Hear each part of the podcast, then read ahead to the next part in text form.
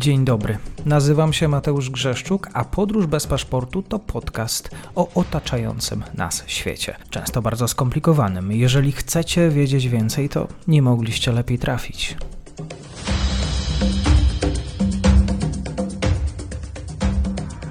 Partnerem odcinka jest Oanda, TMS Brokers, dom maklerski obecny na rynku już od ponad 20 lat. W opisie odcinka znajdziecie link do aplikacji, w której możecie otworzyć konto maklerskie i grać na giełdzie, a wcześniej potrenować na koncie demonstracyjnym. Jeżeli otworzycie konto za pośrednictwem tego linku, dostaniecie na start książkę o tematyce inwestycyjnej. Zapraszam, Mateusz. Dzień dobry Państwu, dzień dobry wszystkim słuchaczom. Dzisiaj jesteśmy w Azji Południowo-Wschodniej ze spojrzeniem również na Chiny. Ze mną jest pan Damian Wnukowski z Polskiego Instytutu Spraw Międzynarodowych. Kłaniam się, dzień dobry. Dzień dobry. Mamy nową administrację Tajlandii. Administrację, która już się spotkała z głosami krytyki w związku z e, spojrzeniem w stronę Pekinu, a konkretnie chodzi o plany zakupu drogiej fregaty marynarki wojennej właśnie od Chin. Pojawiają się też plany, y, wątki współpracy wojskowej, wspólnych ćwiczeń. To tak jest, że y, nowa administracja cywilna chce wykazać się przed poprzednim rząd, rządem wojskowych. Jak na to patrzeć? Ta wzmożona y, współpraca chińsko-tajlandzka w, w, sferze bezpieczeństwa, no ona jest liczona już od 10 lat mniej więcej, czyli od 2014 roku, kiedy miał miejsce pucz wojskowy w Tajlandii został obalony rząd Inuk Shinawatry, pani premier, e, i przejęła wojs wojsko przejęło władzę w państwie. I po tym puczu wojskowym relacje ze Stanami Zjednoczonymi pogorszyły się. E, także została ograniczona współpraca wojskowa amerykańsko-tajlandzka. Trzeba przypomnieć, że Tajlandia jest jednym z dwóch obok Filipin traktatowych sojuszników Stanów Zjednoczonych w Azji Południowo-Wschodniej. I od 2014 e, roku, kiedy ta współpraca amerykańsko-tajlandzka została osłabiona, zmniejszono skalę wspólnych ćwiczeń wojskowych, w tym takich największych e, Cobra Gold, największych w ogóle w regionie Azji Południowo-Wschodniej. E, zmniejszono także wymianę personelu wojskowego, ograniczono sprzedaż uzbrojenia.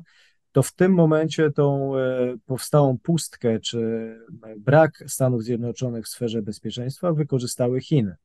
E, i zwiększyły one współpracę z Tajlandią, z tym e, rządem wojskowym, kuntą wojskową, zarówno w sferze sprzedaży uzbrojenia, e, jak i też w organizacji wspólnych ćwiczeń czy wymiany personelu, szkoleń personelu tajlandzkiego na uczelniach wojskowych w Chinach. I te, ta współpraca dość mocno się rozwinęła, chociaż trzeba podkreślić, że ona cały czas jest ma mniejszą skalę, jest mniej zaawansowana niż współpraca Tajlandii ze Stanami Zjednoczonymi.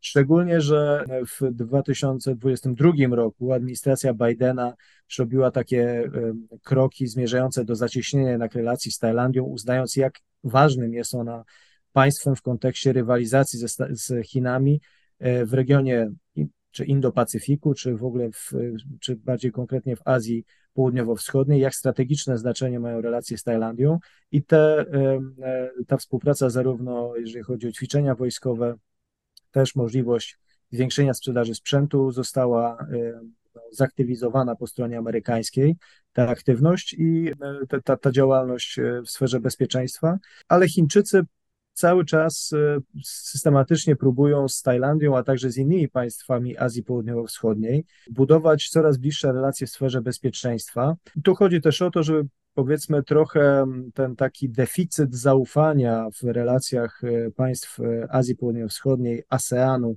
z Chinami ograniczać, bo z niektórymi z państw regionu jak choćby z Wietnamem, Malezją czy Filipinami, Chiny mają e, spory terytorialne, chodzi tutaj o Morze Południowochińskie.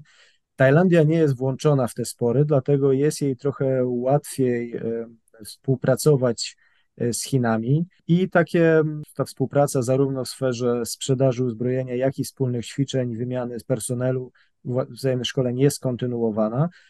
Obecnie ona obejmuje już wszystkie te główne rodzaje wojsk, czyli zarówno ćwiczenia lotnicze, e, morskie, jak i lądowe. W zeszłym roku mieliśmy trzy duże ćwiczenia pomiędzy e, armią chińską a tajlandzką właśnie w tych trzech, w tych trzech obszarach. Także Tajlandia uczestniczyła w takich e, międzynarodowych manewrach organizowanych przez Chiny w listopadzie Tu też pokazuje, że Chiny starają się taką szerszą koncepcję nadać tej współpracy, nie tylko bilateralną z poszczególnymi państwami, ale też angażować coraz częściej więcej państw regionu we współpracę, taką właśnie milita w militarne ćwiczenia.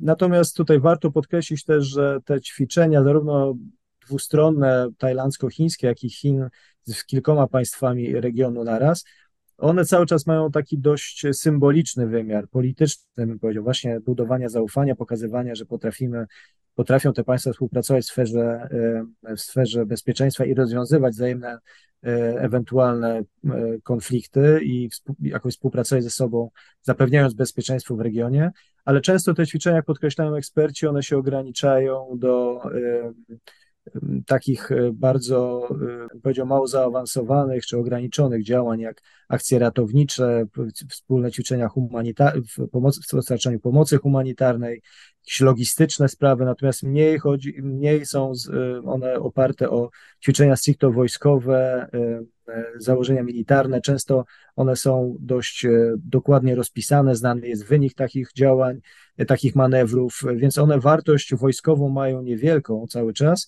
ale bardziej symboliczną, polityczną, no i pewnie będą też e, rozwijały się, będą Chiny chciały rozwijać taką, e, taką współpracę, ale też podejrzewam, że Tajlandia i inne państwa regionu także będą tym zainteresowane. I tutaj dochodzimy do ważnej, kluczowego elementu, dlaczego Tajlandia nawet po zmianie rządu, e, w którym, która zaznaczyć cały czas w tym rządzie tajlandzkim są siły prowojskowe, czyli jeszcze te związane z poprzednim reżimem, tą władzą stricte wojskową. Chodzi tutaj o równoważenie relacji między dwiema głównymi potęgami, czyli Stanami Zjednoczonymi i Chinami, czyli pokazywanie, że zarówno z, ze Stanami Zjednoczonymi, z tym traktatowym partnerem, sojusznikiem będą relacje rozwijane, ale też e, Tajlandia nie opowiada się bezpośrednio po stronie Stanów Zjednoczonych w tej ich rywalizacji z Chinami, stara się równoważyć relacje, stara się e, angażować zarówno jedną, jak i drugą stroną, aby uzyskać jak, najwiele, jak największej korzyści z tej e, z relacji z oboma tymi potęgami i też zwiększać swoje, swoje znaczenie w, w regionie, starając się też zapobiegać takiemu, no, powiedzmy, antagon, zwiększaniu napięć w regionie i e, szukaniu porozumienia z jedną i z drugą stroną. No właśnie pytanie, czy możemy tutaj mieć za złe, tają, że w związku z sporem na Morzu Południowochińskim, chociaż Tajlandia nie jest bezpośrednim aktorem tego sporu, angażuje się w takie ćwiczenia i taką współpracę. Nie jest zaangażowana rzeczywiście i to powiedzmy czasami niektóre działania Tajlandii mogą, e, czy tutaj zdarzały się takie momenty, że rozbijały tą, tą jedność, jeżeli chodzi o, o ASEAN w różnych sprawach, chociażby w kwestii e, wojny domowej w, w Mianmie. Też Tajlandia za poprzedniego rządu e, trochę prowadziła własną rozgrywkę, tą taką, to, to wspólne stanowisko ASEANu lekko osłabiając. Tutaj, jeżeli chodzi o Morze Południowochińskie, no jest założenie takie, że to ma właśnie angażowanie Chin i Stanów Zjednoczonych z drugiej strony, ma e, zwiększać bezpieczeństwo, nie tylko właśnie opowiadamy się po jednej stronie i budujemy jakieś bloki, tylko angażujemy się z oboma potęgami i staramy się budować jakieś środki budowy zaufania w regionie, właśnie takie ćwiczenia, wspólne ćwiczenia wojskowe, zapobiegające też różnym przypadkowym e, pięciom, starciom, które mogą się przerodzić poważniejszy konflikt, one mają właśnie służyć budowaniu stabilności w regionie. Ale warto zaznaczyć, że jak wspominałem o tych ćwiczeniach z ubiegłego roku, w których brał udział więcej państw e, Azji Południowo-Wschodniej niż tylko Tajlandia, w nich udział wzięły e, takie państwa jak Wietnam i Malezja, które też są zaangażowane w spory z Chinami na Morzu Południowochińskim. Czyli ta sytuacja jest trochę bardziej skomplikowana w tym sensie, że konflikt jest terytorialny na Morzu Południowochińskim, ale państwa y, słabsze militarnie i także gospodarcze, jak Wietnam czy Malezja, zdają sobie sprawę, że muszą jakoś te relacje z Chinami y, sobie budować, tak aby zapobiegać wybuchowi konfliktu, który im by zagroził. W tych ćwiczeniach y, z ubiegłego roku nie wzięły udziału Filipiny i to jest trochę inna sytuacja, bo rzeczywiście napięcia na linii Chiny, Filipiny ostatnio są, są dość spore i są takie no, różne napięcia na spornych wodach, na spornych wodach Azji, Morza Południowochińskiego między marynarkami i strażami przybrzeżnymi obu stron, więc tutaj te napięcia są większe, natomiast w, z Wietnamem i z Malezją tutaj napięcia ostatnio są trochę mniejsze, więc one starają się angażować Chiny i zaangażować się z Chinami w budowę stabilizacji w regionie, pomimo sporów terytorialnych. Więc Tajlandia idzie tym samym tropem, stara się z Chinami zaangażować Chiny w budowę stabilności w regionie, nie szukając konfrontacji, a bardziej zaangażowania i tak jak mówiłem, y, balansowania i równoważenia relacji z, z jednej strony ze Stanami Zjednoczonymi, czyli z traktatowym sojusznikiem, a z drugiej z Chinami. Jeszcze zapytam na zakończenie relacje pomiędzy wojskowymi a rządem dzisiaj cy, cywilów. Y, jaka, jaka atmosfera?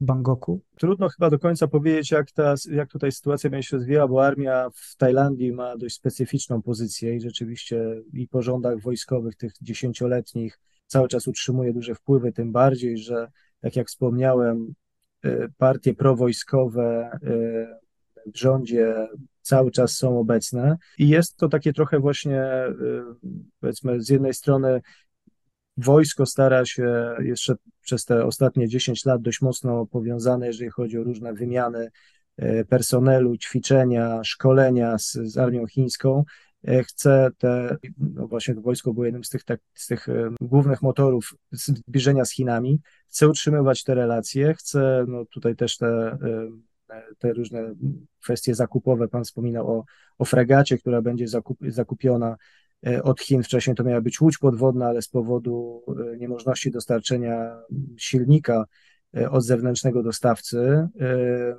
bodajże niemieckiego, ta łódź podwodna nie może być sprzedana, będzie sprzedana fregata i w ogóle zakupy z, z Chin będą kontynuowane. Tutaj armia i wojskowi tajlandcy mm, e, chyba są do tego przekonani, bo ten sprzęt, mimo że jest słabszy, jeżeli chodzi o jakość, to jednak jeżeli chodzi o jego dostępność e, cenową przede wszystkim, jest, jest e, no, bardziej konkurencyjny niż amerykański. I tutaj te, te zakupy prawdopodobnie będą kontynuowane, zresztą poza tą fregatą jeszcze już były dostawy dotyczące czołgów, chociażby systemów anty, anty, obrony publicznej, także są inne, inne obszary, gdzie ta współpraca może być kontynuowana. Więc z jednej strony armia chce no, tą, tą współpracę i tą, tą kooperację z Chinami, żeby stabilizować region, kontynuować. Rząd natomiast, to też warto podkreślić, jest bardzo mocno nastawiony teraz w polityce zagranicznej na przyciąganie inwestycji do Tajlandii. Chce stworzyć z Tajlandii taki, e, no, takie centrum inwestycyjne e, w regionie. E, oczywiście też rozwijać relacje handlowe z różnymi partnerami, zarówno w Azji Południowo-Wschodniej, jak i sąsiadami i w ogóle państwami na całym świecie. Więc wszelkie działania antagonizujące Chiny byłyby też nie na rękę rządowi tajlandzkiemu w kwestii właśnie realizacji tej polityki gospodarczej, dyplomacji ekonomicznej mogłyby zaszkodzić inwestycjom chińskim, e, napływowi inwestycji chińskich do, do Tajlandii, więc e, pod tym względem też e, tutaj te, te interesy, zarówno jeżeli chodzi o wojsko, jak i, jak, i, jak i rząd są dość zbieżne, żeby Chiny angażować, aby mieć z tego i korzyści gospodarcze, i także próbować stabilizować relacje w regionie, angażować Chiny, aby zażegnać ewentualne konflikty i budować, no, zwiększać zaufanie między państwami w regionie.